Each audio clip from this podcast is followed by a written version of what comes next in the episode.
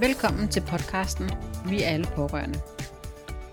En podcast, der stiller skarp på det at være pårørende på tværs af diagnoser, og hvor sårbarhed er helt okay. Jeg hedder Rikke, og jeg er din vært. I denne episode har jeg Anne Mette Sohn med som gæst. Anne Mette er selvstændig, foredragsholder, underviser, forfatter, pårørende og sanger. Jeg har glædet mig helt vildt til igen at tale med Anne Mette. Om det at være mor, og om det at være pårørende ikke er hele vores identitet. Vi skal nemlig passe på os selv for at kunne passe på andre. Og vi taler også om, hvordan vi ikke vælter helt omkuld, men samtidig mærker det, der er.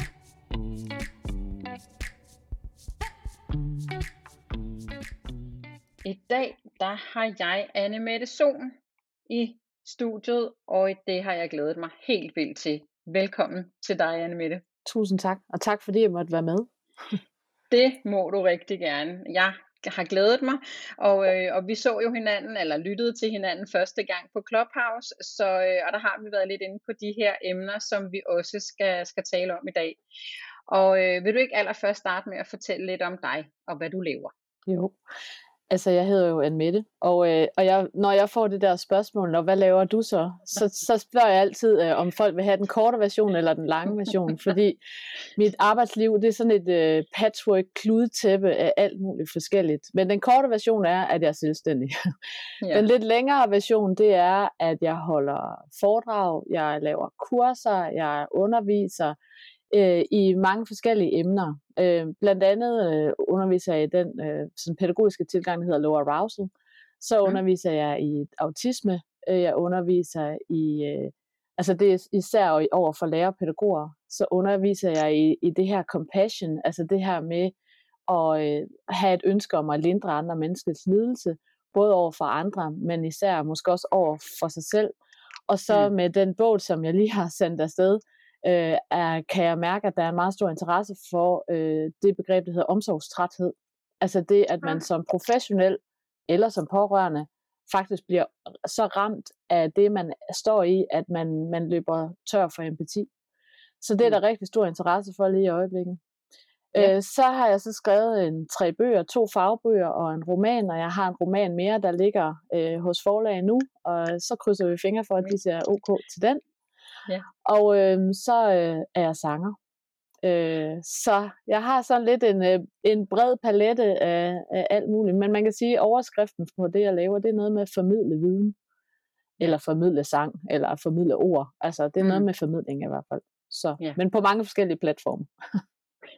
på ja. mange forskellige platforme, og ja, og kludetæppet, det er, jo, øh, det er jo et rigtig godt billede, det ja. tænker jeg, at vi alle sammen kan se foran os.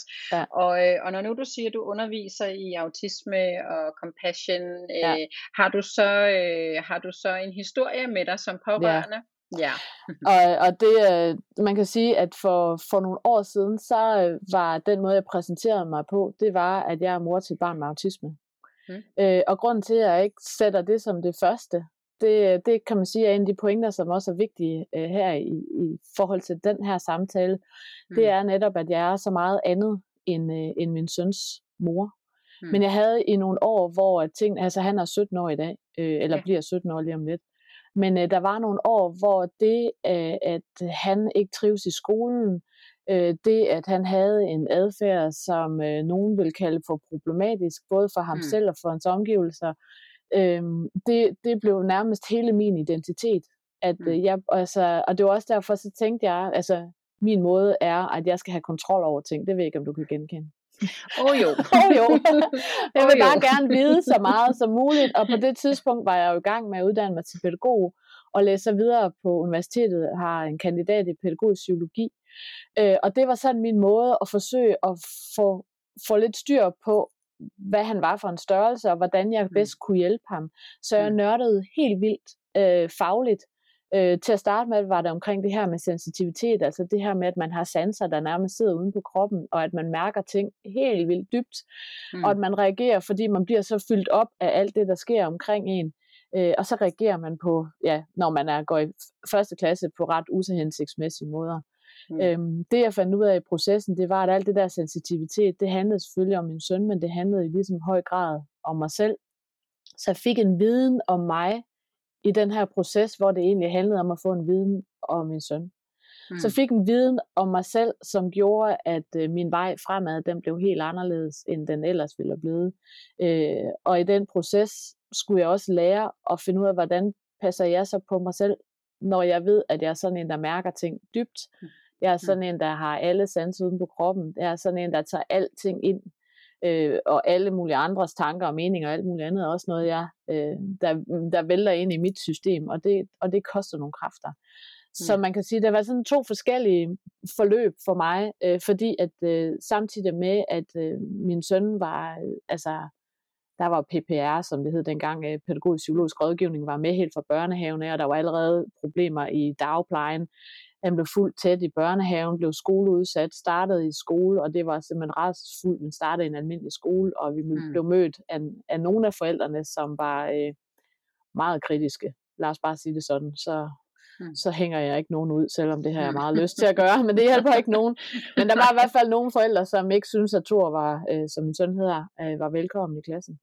Mm. Øh, og i den, man kan sige, så blev mit, at jeg skulle lære noget fagligt, altså jeg skulle have nogle redskaber til, hvordan, og der var jeg jo i gang med at læse til pædagog. Øh, og så sideløbende havde jeg jo sådan mit eget sådan personlige forløb på en eller anden måde, hvor at det faglige, det blev ligesom en måde at informere mig selv, som så kom tilbage til det. Altså det var sådan en, en frem og tilbage øh, bevægelse, kan man sige, hvor at, mm. øh, ja, at det der, det kørte egentlig parallelt. Så jeg lærte rigtig meget om mig selv, samtidig med, jeg lærte rigtig meget om, om mennesker, om pædagogik og om psykologi og så videre. Så det har egentlig været sådan to parallelle forløb, som meget smukt på alle mulige måder har flettet sig sammen. Mm. Øhm, så min, øh, min take, det har været, at, øh, at jeg har bare skulle have øh, så meget viden som overhovedet muligt, fordi så havde jeg troen på, at jeg måske kunne kontrollere ting. Mm.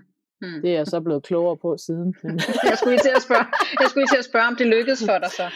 Nå, altså det, det er jo det, der er det interessante. Det er, at vi har en menneskehjerne, som simpelthen, dens opgave, det er at forudsige. Det, hmm. Den vil bare gerne vide, hvad der skal ske lige om lidt. Ja. Øh, og det har jeg troet på og tror måske stadigvæk lidt på, at, øh, at hvis jeg bare kan kontrollere det, der kommer til at ske, så skal det nok gå. Men jeg mm. har jo også fundet ud af, at det er jo umuligt. Altså, der er mm. simpelthen så mange ting, vi ikke har kontrol over. Altså, nu kan vi bare, nu er vi post-corona, øh, ja. så der har vi alle sammen mistet kontrollen fuldstændig. Øh, mm. men det at få et barn, som har en anderledes profil, og som har en adfærd, som, øh, som er problematisk, øh, det er altså et meget, meget stort kontroltab. Fordi ja. jeg, kan ikke, jeg har ikke kunne kontrollere jo, hvad sker der hen i børnehaven, hvad sker der hen mm. i skolen. Øh, altså, hvor at, at det er jo egentlig det, og det er også nogle gange det, jeg er blevet spurgt af af lærere og pædagoger. Jamen, I må lige snakke med ham om, at det dur jo ikke, at øh, ja, men jeg er jo ikke hen i skolen, så jeg kan faktisk ikke kontrollere, hvad der foregår derhen. Mm. Mm. Så, så det her kontroltab, som der jo er ved at få et øh, barn, som har en anderledes profil, og han fik sin autisme-diagnose, da han gik i 4., 3., 4. klasse, tror jeg. Øh, og det kontroltab og den sorg, der følger med det, har, har jeg jo skulle finde ud af, hvordan pokker lærer jeg at, at leve med det og, mm. og bære det. Altså, og, og der er et ret stort kontroltab, og det bryder jeg mig ikke ret meget om. Det ved jeg ikke, om du kan genkende, Rikke. jo, jeg kan godt genkende det, og, og, og det der, jo, det kan jeg i den grad øh, genkende, og i øvrigt, øh, altså så er det jo til, til jo øh, alle mine tre drenge, som er ud, har været udfordret med forskellige øh, mm. diagnoser, øh, øh, men også sådan i det hele taget. Så, så, så jeg, jeg er sådan lidt nysgerrig på, hvad, hvad gør du så? Altså, hvad har du så gjort? Altså, kontroltabet, mm. det har vi så erkendt. Vi ja. kan ikke kontrollere det her. Mm. Hvordan står du så som, øh, som, som pårørende øh, på den side, når du ligesom har accepteret, du har ikke kontrollen? Og det Hvad der med, at du siger, at når du så har accepteret, at du ikke har kontrollen, der er jeg ikke helt kommet til endnu, tror jeg. altså, og, fordi det, altså, det er jo sådan en, en lang proces, og, jeg, mm. og altså, jeg har fået nogle redskaber, øh, øh, altså lært mig nogle redskaber til, hvordan, hvordan kan man håndtere det her med, når man ikke har kontrol, og for, mm. gerne vil forsøge at acceptere. Og der har, jeg, altså, der har jeg jo læst mig til alt muligt. Jeg har været på kurser, jeg har haft samtaler med øh, kloge mennesker, som har kunne hjælpe mig med at finde ud af, hvordan pokker er man i det? Og mm. jeg vil sige, en af dem, som har hjulpet mig allermest ud over alt, altså jeg er sådan rigtig nørd, at når jeg først er et emne, jeg er interesseret i, så dykker jeg fuldstændig ned i sådan et hul, og så skal jeg lære alt om det her. Mm. Øh, men det er så sådan en, mere sådan en fagfaglig vinkel, som jeg jo så kan bruge i mit eget liv. Men øh, der er en person, som har hjulpet mig rigtig meget. Øh, hun hedder Trine, og hun er hospitalspræst. Mm. Øh, og hun er blevet min rigtig gode veninde og mentor, og hende jeg læner mig op af, når det er.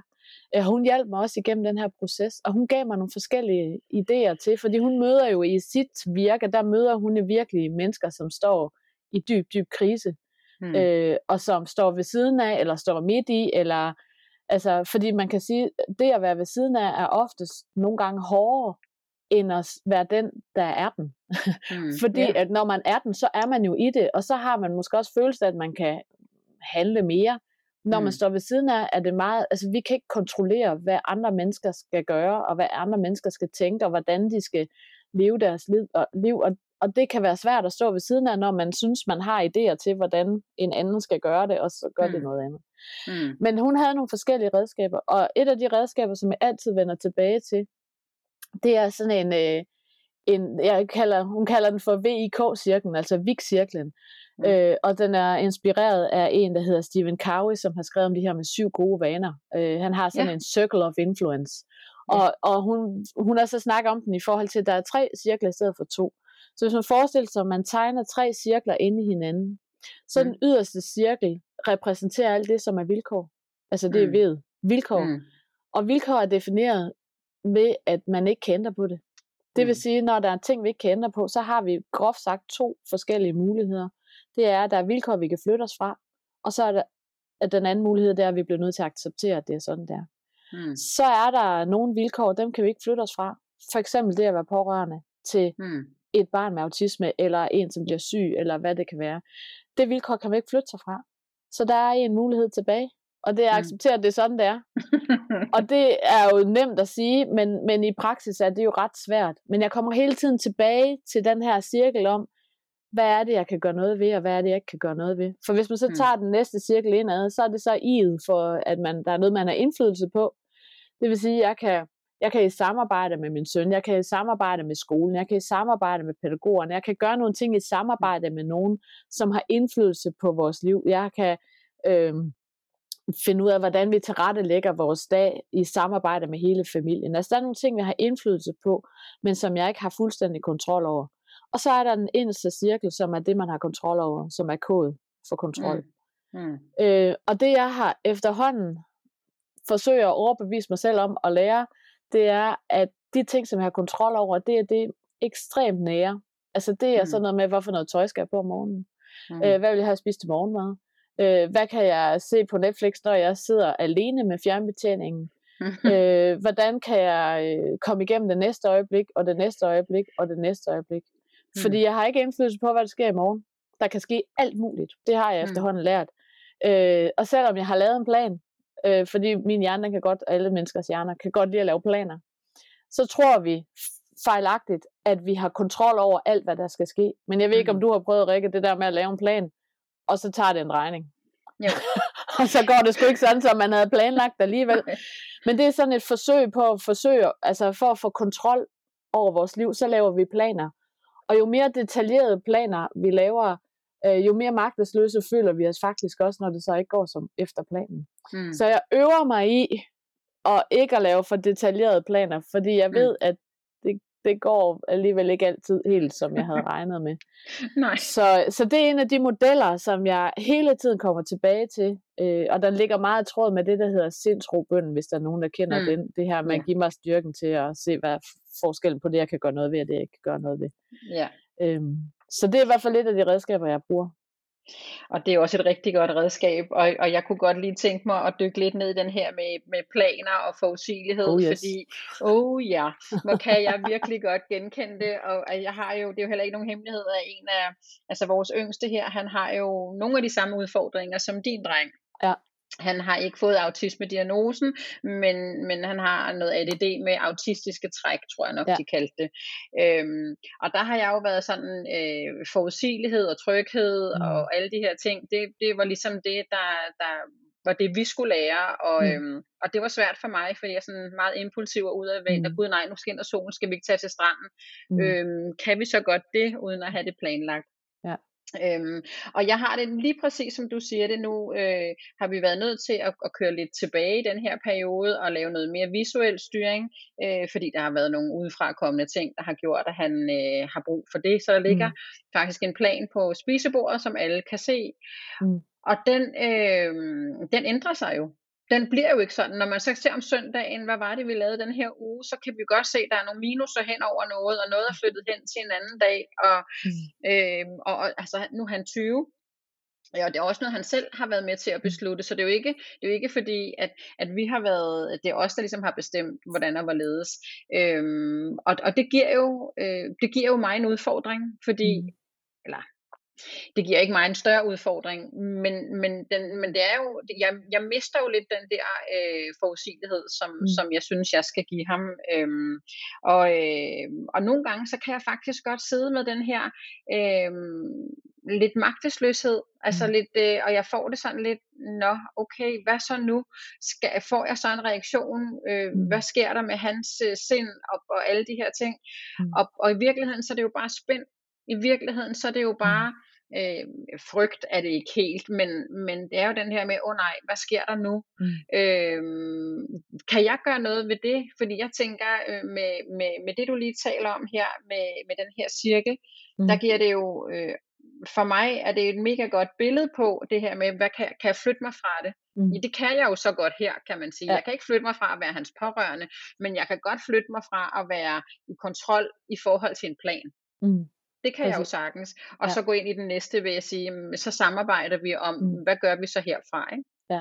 Så, øh... Altså noget af det, som vi bruger meget, det er det der med ikke at lave planer. Altså man kan sige, at min kalender, arbejdskalender er planlagt yeah. lang tid frem, men altså mm. så kan man sige, øh, så er sådan en hverdagsplan, den, den, mm. øh, der, vi laver sådan en overordnet grov plan. Vi har sådan mm. en tavle, hvor du siger, at I har sådan et schema, men vi har sådan en, en tavle, hvor vi skriver på hver dag, hvem er hvor, hvornår. Også fordi mit arbejdsliv, det er simpelthen så øh, i øst og vest og nord og syd og alle ja. mulige tidspunkter. Ja. Øh, hvor min mand, som er ingeniør, arbejder på Grundfos, han kører klokken lidt i 8, så kommer han hjem igen lidt over 4, og så, altså hans arbejdsliv, det er ret struktureret og ret meget ja. i et schema. Mm. Øh, og mit, det er jo her, det er alle vegne, og min datter, som lige er blevet færdig med gymnasiet, øh, hun, hun har jo også begyndt at arbejde nu på alle mulige mærkelige tidspunkter. Hmm. Tor er i skole øh, på faste tidspunkter. Men han har brug for også at vide, hvornår kommer folk ind og ud af døren, og hvad skal der hmm. ske, og, hvad, der står jo også menuen på den tavle. Hvad skal vi have at spise til aftensmad? Øh, ja. Så det her med at ikke at gå for meget, for meget i detaljplanlægning.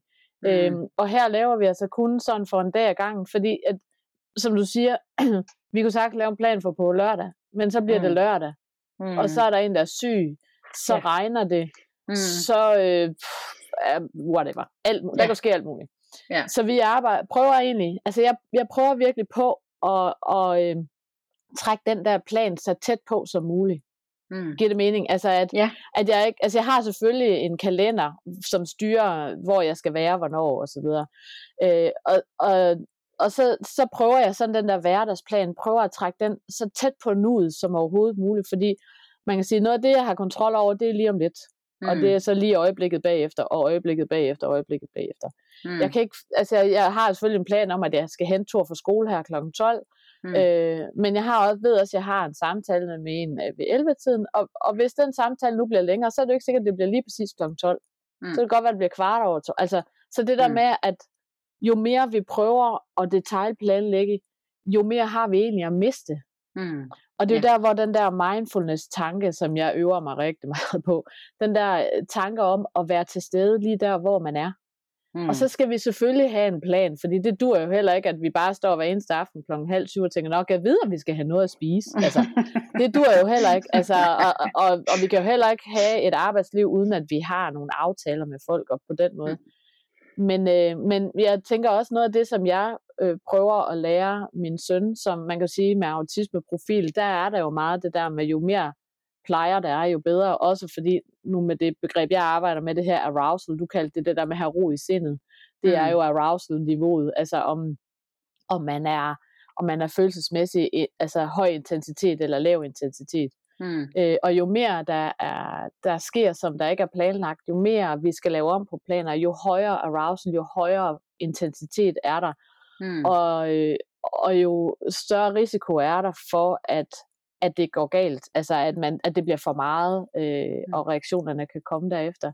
Så mm. man kan sige, selvom jeg ved, at vi har brug for rigtig meget forudsigelighed, og brug for planer osv., så, videre, så prøver jeg også på at forberede Thor på, at jeg kan faktisk ikke, vi kan ikke forudsige alt, hvad der sker. Mm. Øh, fordi det er jo også noget, han bliver nødt til at skal have med sig i livet, fordi selvom man har lavet en plan, så nu her han skal starte på sådan et prøveforløb på en ungdomsuddannelse, der skal han med toget mm. klokken 8.04. Mm. Men nogle gange så bliver toget faktisk forsinket. Mm. Nogle gange bliver det faktisk aflyst. Så jeg vil egentlig hellere prøve at give ham, altså forsøge at hjælpe ham til at håndtere, når ting ikke går efter planen. Mm. Fordi det er bare rigtig tit, at ting ikke går efter planen. Og det kan mm. jeg også sige som pårørende, altså som mor. Hold nu kæft alle de gange, undskyld jeg banner, men alligevel, hold nu kæft alle de gange, hvor at ting ikke er gået, som jeg har planlagt. Ja. Øh, og, og det er faktisk svært at være i, når man tænker, jamen nu har jeg planen, nu ved jeg præcis, hvad der skal ske, og så sker det ikke alligevel. Og så står man der med al sin magtesløshed. Ja. ja. ja. Og det er virkelig genkendeligt, og det jeg virkelig tænker, det, det gælder jo, i, eller det kan jo gælde alle. Det her, det gælder jo ikke kun for dig og mig og, nope. øh, og, og, og vores drenge. Nej. Det, øh, det, det gælder, øh, altså i livet i al almindelighed, altså i helt almindelige familier, også mm. uden man er pårørende eller ja. har børn med diagnoser. Altså, Men det bliver øhm, bare sat på spidsen, når vi ja. har de der uh, peak-situationer, eller de her ja. særlige vilkår, som er, så kan man sige, at det hjernen naturligt vil gøre, når vi får, altså nu havde du en søn, som var blevet syg, og din hjerne mm. siger, det her, det skal jeg have styr på. Jeg skal få mm. en løsning. Mm. Og så går den hele, altså den prøver hele tiden at finde løsninger, mm. Og mm. den måde, vi forsøger at finde løsninger på, det er, hvad kan jeg kontrollere? Mm. Hvad kan jeg lave? Nu kan jeg lave en plan. Fordi mm. hvis vi mm. laver den her plan, så skal det nok gå. Mm. Og, og så man kan sige, at vi er jo sådan set op imod et, øh, et vilkår, som øh, vi ikke rigtig kan gøre noget ved. Og det er vores ja. hjerne, som, mm. øh, som altså, styrer meget mere, end vi måske egentlig går og tror. Altså mm. vi, vi bilder os selv ind, at vi har kontrol over alt muligt men det har vi faktisk ikke. Og det er vores hjerne en, en medspiller i, at altså, det, den vil bare gerne vide alting om, hvad der ja. skal ske. Ja. Og det, og det er jo også, øh, altså, og jeg sidder her og smiler, fordi at, at øh, altså, det, er, det er jo virkelig genkendeligt, og, øh, og, øh, og netop som du siger, da, da vores ældste blev ramt af jernblødningen i, øh, der i marts 2020, mm. der, øh, vi, vi, ved jo, vi ved jo faktisk ikke i, i syv uger, om, mm. om han vil overleve, og i de efterfølgende syv uger ved vi ikke til hvad. Nej, øhm, så, så, så der kunne jeg jo virkelig ikke kontrollere noget som mm, helst. Mm. Og det jeg faktisk gjorde, det var, at jeg, jeg, jeg blev en duer. Ja. Så, øh, så jeg, jeg, jeg, jeg handlede, prøv at høre, jeg havde styr på hans lejlighed, hans, øh, mm. hans økonomi, hans pension, hans, altså banken havde jeg talt med, pensionen mm. havde sådan noget forsikring, han fik udbetalt sådan noget kritisk sygdom, altså mm. øh, han, han falder den 29. marts den 1. april har jeg øh, søgt om, at han får kritisk sygdom udbetalt. Den 8. april var det på hans konto. Altså sådan nogle Men det er ting, fordi, vi er altså... sådan nogle handlende personer, ikke? ja, og, og man ja. kan sige, at det er en måde at forsøge at få kontrol over en situation, ja, som man er, er, er fuldstændig ude af kontrol. Men ja, det jeg også har lært, det er, at altså, der er sådan ligesom forskellige slags mennesker. Vi to, vi er sådan nogle, men så skal der sgu handling til. Altså vi skal bare i gang. Nu skal I se ja. os smøge ørmerne op, og så skal vi bare løbe afsted. Ja. Men, men der er altså også vilkår, som uanset hvor hurtigt vi løber, uanset hvor meget vi fikser, uanset hvor meget vi handler, så kan vi ikke ændre på mm. det vilkår, mm. som vi står i. Nej. Du kan tro, jeg har løbet og handlet og ringet til kommunaldirektører, og jeg skal give dig, skal jeg alt skole, ja, men du, ja, jeg ved præcis, hvad du mener. Og jeg ja. kan love dig for, at i det øjeblik, at uh, en af mine nærmeste bliver syge, så er jeg på pletten, så skal jeg mm. dele med nok så skal jeg nok ja. få det her fikset. Skal vi nok Men, fikse, ja. når det så er sagt, så tror jeg, at det vi er allervigtigst at øve os på, det er at være i det. Mm. Det er bare ja. at være med det, og ja. mærke alt det, der er, også selvom det er noget lort. Ja. Og, og det der med, og, og lige bare at sætte sig i stolen og tænke, helt ærligt, mm. det her det var sgu ikke sådan, jeg havde regnet med, at det skulle være. Det var faktisk mm. ikke sådan, jeg havde regnet med, at mit liv det skulle se ud. Og Ja. se lige mig nu. Ja. Hvor, hvor var det lige filmen, den knækkede? øh, altså, det var ikke det, jeg havde, det var ikke det, jeg skrev op til dengang, at øh, jeg fik Mm. børn, for eksempel. Mm. Jeg havde da ikke, Mm. da jeg stod med stor gravid mave, tænkt, "Nå, men jeg vil rigtig gerne have et barn med autisme, som bider de andre børn i børnehaven, og skal på en specialskole. Det kunne da være fedt. Altså, det er ikke det, vi går og håber på, vel? Men det er så det vilkår, der blev mit. Øh, Mm. så, så det er også noget med nogle gange at erkende, at det her, det kan jeg faktisk ikke rigtig handle mig ud af. Nej. Så jeg bliver nødt til at erkende, at jeg bliver nødt til at være med alle de følelser, der følger med. Mm. Både, altså jeg synes jo også, at jeg har jo fået et fantastisk arbejdsliv, fordi, altså Mm. på grund af, at jeg Mm. har nørdet så meget i at forstå øh, Thor og alle mulige andre, som minder om ham, og alle mulige, altså mennesker i det hele taget. Øh, det har jeg jo fået et fantastisk arbejdsliv ud, og han er simpelthen den sjoveste, det sjoveste menneske, som, og han ved de mærkeligste ting, og kan byde ind med alt muligt. Og, altså, jeg, jeg- ville jo ikke have haft den indsigt, hvis ikke, jeg havde, hvis ikke jeg havde haft ham. Så det der med også at se, at der er noget godt, men også at vide, at en gang imellem, så bliver man bare ramt af, at det her, det er faktisk, det er faktisk hårdt. Mm. Og det er faktisk okay, at det er hårdt. Og det er faktisk Mm. okay at mærke det. Og det er faktisk også okay en gang imellem at ligge sig i første stilling ude på badeværelset og tænke, Mm. det her det er faktisk et lorte vilkår, det ville jeg ønske, jeg ikke havde. Mm. Øh, fordi det skal der faktisk også være plads til. Fordi hvis vi bare handler og handler og handler, så på et tidspunkt, så, så knækker filmen altså. Altså, fordi Ja. så, så vælter vi omkuld, og det tænker jeg også, du har oplevet, Rikke, der, at Mm. der, der, der I ligesom kom på den anden side og fandt ud af, Mm. at man, det gik jo. Altså, Mm. det gik jo alligevel. Mm. Ja. Så siger kroppen bare kollaps. Mm. Og så kommer reaktionen på det ja. tidspunkt, i stedet for måske at øve sig i at dosere det hen ad vejen, og jeg ved godt, Mm. det er nemmere sagt end gjort, men øve sig i at dosere det, fordi altså det er jo en af de pointer, som også er en af de sådan mere teoretiske forståelser, jeg har omkring det her self-compassion, altså egenomsorg, Mm. øh, det er, at vi kan komme til at overidentificere os så meget med den situation, vi står i, at vi nærmest bliver til situationen, eller mm. vi Mm. bliver til de følelser.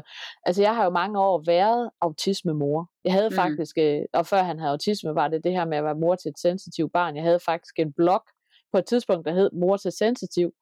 Mm. Fordi det, og det blev sådan hele mit, og så, og så kan man sige, at jeg blev fuldstændig viklet ind Mm. i hele den historie om, at det var det eneste, jeg var.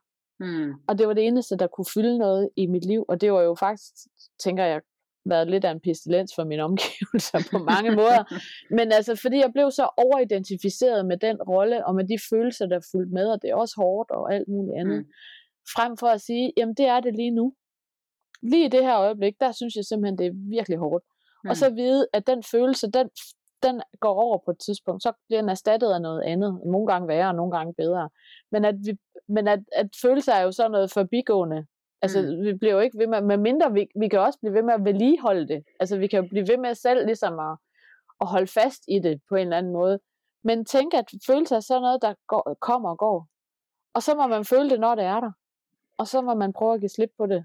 Og ja. Ja, må også lidt ligesom du sagde tidligere der med, med sindsrobønden, og så ligesom prøve at gå tilbage og sige, hvad er det, der er, altså hvad, hvad kan jeg gøre noget ved, og hvad kan Ja. jeg ikke gøre noget ved Præcis. her og nu. Og, og, øh, og det er jo, altså jeg har det lidt som om, du også lidt fortæller min historie, ikke? Mm. Fordi jeg har, jeg har i den grad også været, især med vores yngste, tror jeg, eller det ved jeg, øh, der har jeg sådan, der, der var jeg, der var jeg, og jeg var en del af det, og Mm. det var, det, og, og det var jo monsterhårdt, og det er til Mm. sider stadigvæk monsterhårdt. Ja. Men, øhm, men, men nu, hvor jeg ligesom har, har hævet mig lidt, eller sat mig lidt ud og kigger ind på familien mm. på en anden måde, det er jo det, der har gjort, at pårørende klubben lige pludselig kunne jeg se, jamen det jeg skulle lave, Ja. det, øh, det hang jo sammen.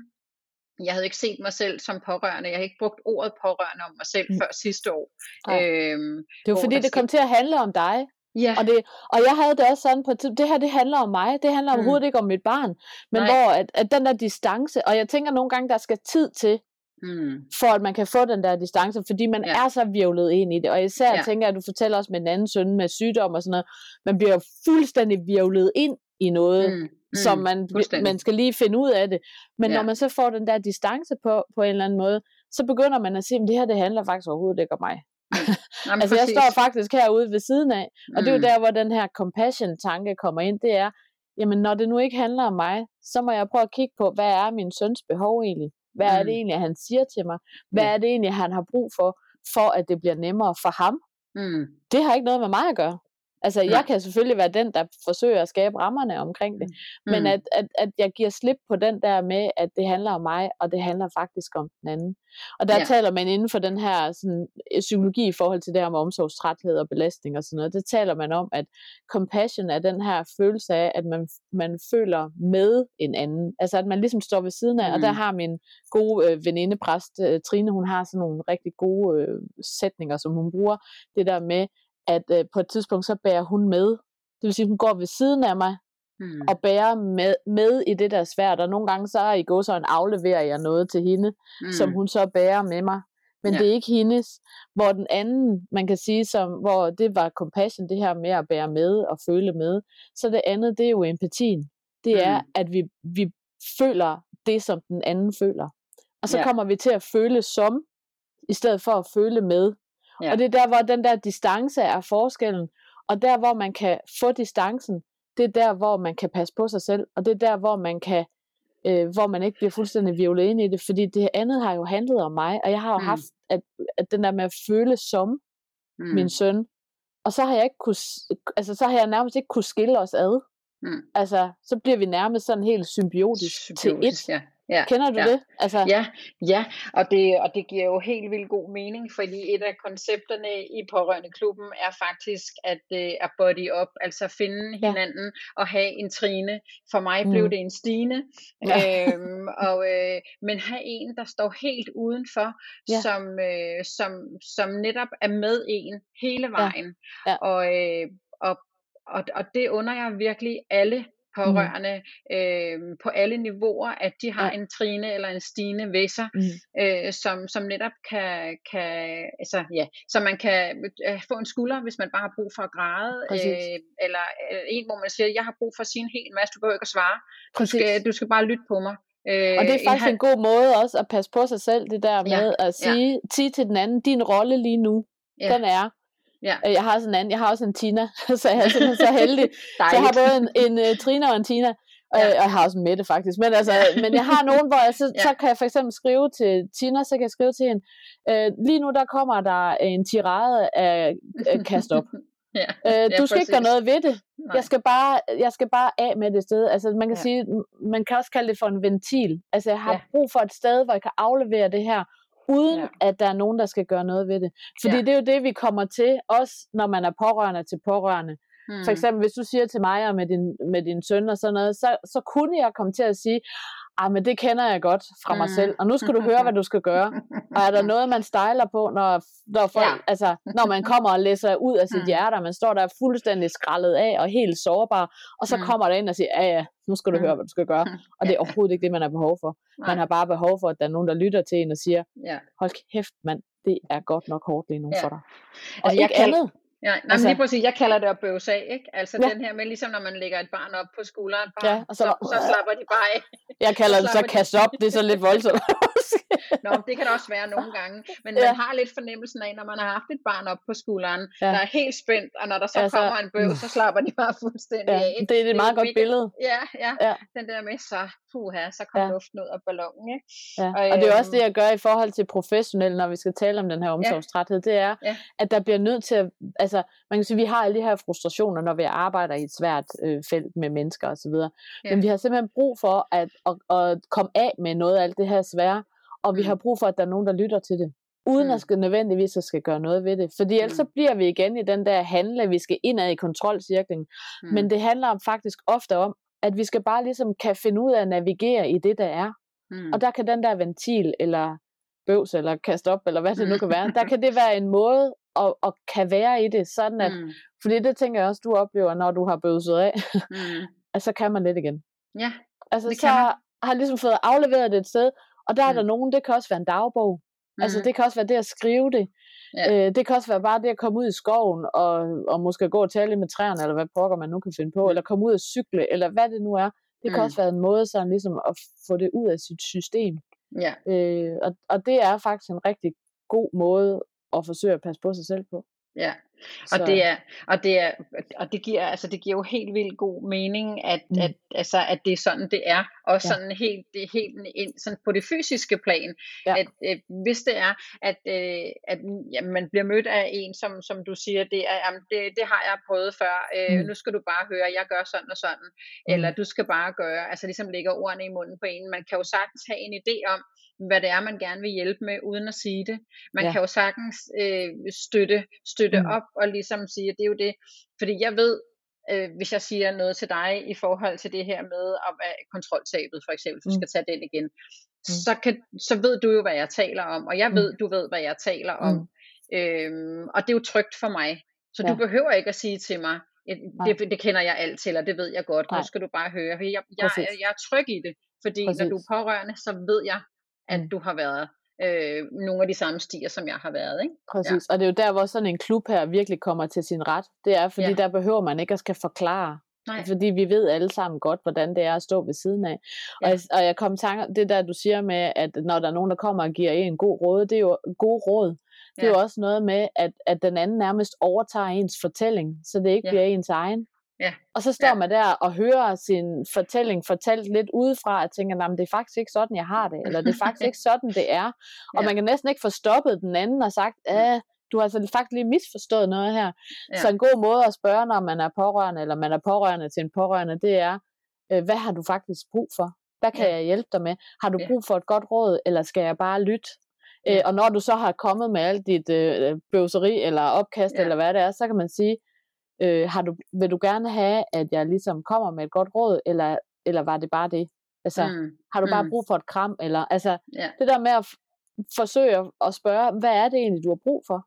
Hvad er det? Altså, ja. ja. ja. Men man kan også selv være sådan mere proaktiv, når vi nu er handlepersoner, som vi er, så sige, lige nu, der har jeg brug for, at du giver mig et kram. Mm. Lige nu, der har jeg brug for, at du lytter til mig, uden mm. at skal komme med gode råd. Så det der med, altså det kræver selvfølgelig også lidt overskud, men at man, man øver sig på at sige, hvad det er, man egentlig har behov for, og, og det er vi ikke så glade for, fordi Nej. vi tænker, at så er vi til besvær. Mm. Eller så, øh, og vi kan heller ikke tillade os at bruge vores omgangskreds på den måde, og altså, Jamen, ja. det er præcis.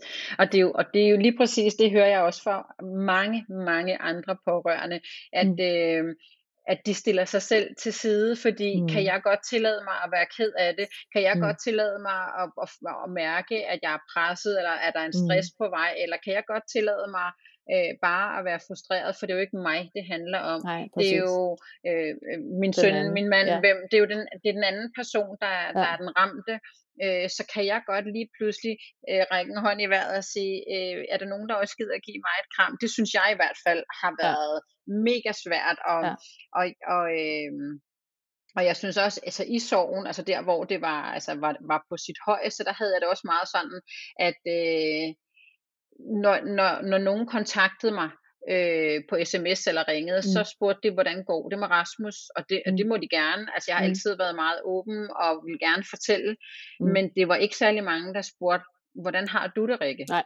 Præcis. Hvordan går det så med dig? For det Nej, var da præcis. voldsomt, det du lige fortalte der. Præcis. Og, og, det, øh, og det kan jeg godt, altså på det tidspunkt, der kunne jeg ikke række ud.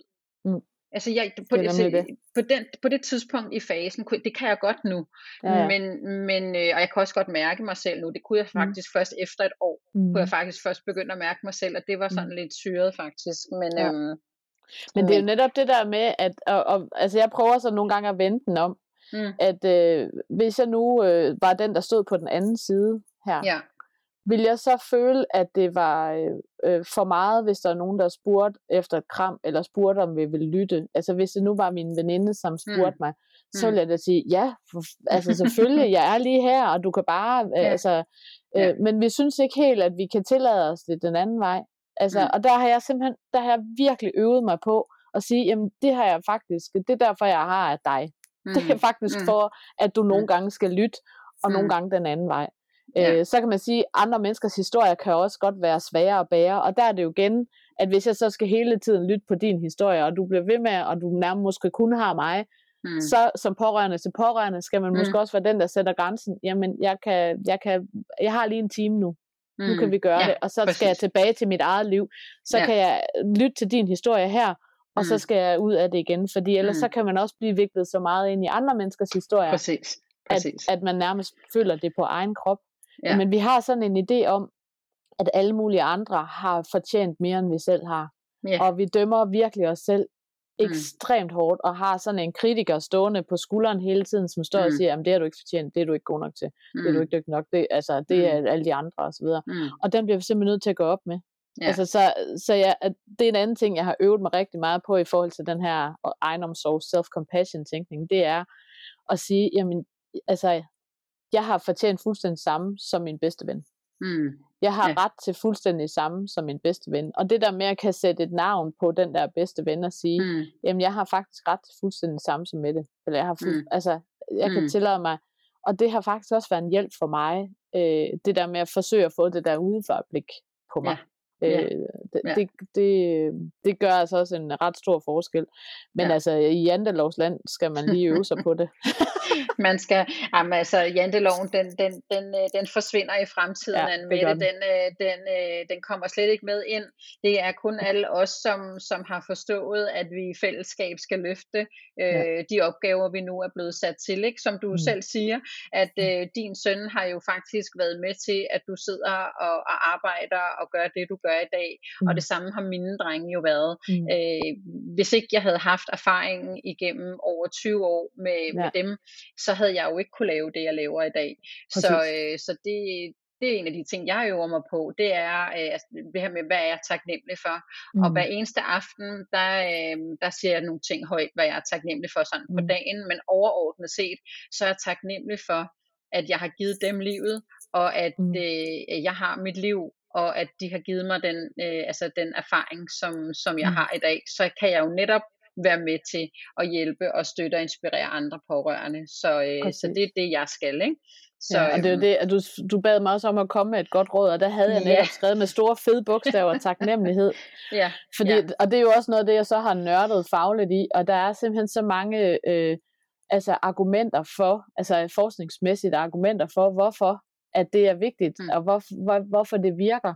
Og mm. det Mm. er nemlig det her med, at når vi, når vi tager de her taknemmelighedsbriller på og ser alt igennem Mm. et, et lag af taknemmelighed, så bliver vi faktisk gladere. Vi bliver Ja. mere optimistiske. Ja. Vi får bedre relationer. Vi bliver bedre Mm. til at tilgive os selv og hinanden. Vi sætter mere kærlige grænser. Ja. Øhm, og vi forstår faktisk det, der er det vigtigste for os, og vi bliver mindre utålmodige og finder Mm. mere mening.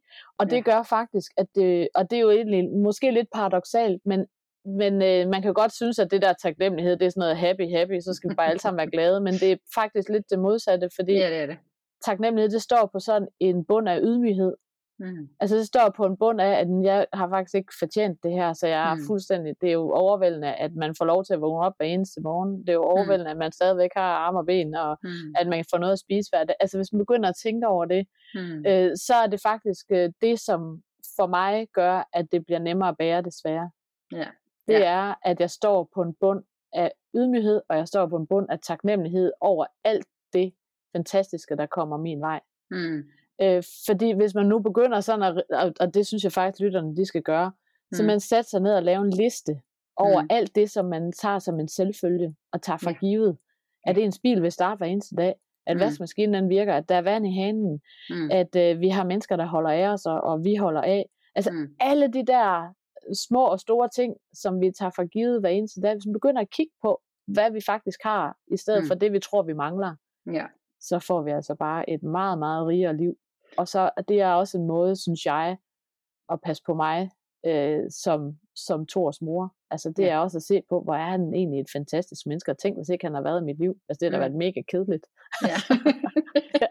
ja, det havde, det havde nemlig været mega kedeligt. Og Anne. Mette, det kan simpelthen ikke være en bedre afslutning, i, at, at du er simpelthen øh, taknemmelig over, at du er Thors mor, og jeg er taknemmelig over, at jeg er mine tre drenges mor. Og jeg er også ta- meget taknemmelig for, at jeg er Saras mor. Nu handler det selvfølgelig meget om Thor, men jeg Ja, bliver nødt til ja. at sige, at jeg har jo en datter også. med. Og Ja, altså, Ja. Det er, de er fuldstændig på lige, men uh, det ja. handler selvfølgelig mest om to her. Ja, ja, ja. Vi skal huske Sarah også, og, ja. øh, og, og alle, alle de andre ting, og vi, alle de andre. Ja. øh, vi også er taknemmelige for.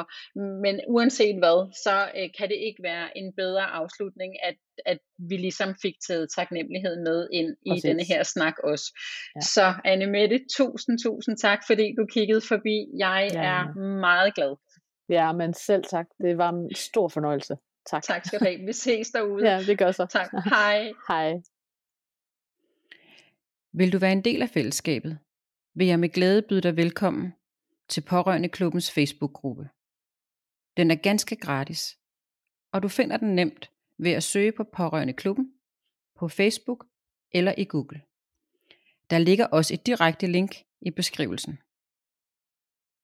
Kunne du lide episoden, så smid gerne 5 stjerner vores vej, der hvor du lytter til din podcast. Og vil du være helt sikker på at være klar, når næste episode lander, så ind og følg podcasten i din podcast-app. Tusind tak, fordi du lyttede med til denne episode af podcast-serien Vi er alle pårørende. Vi høres ved i næste episode.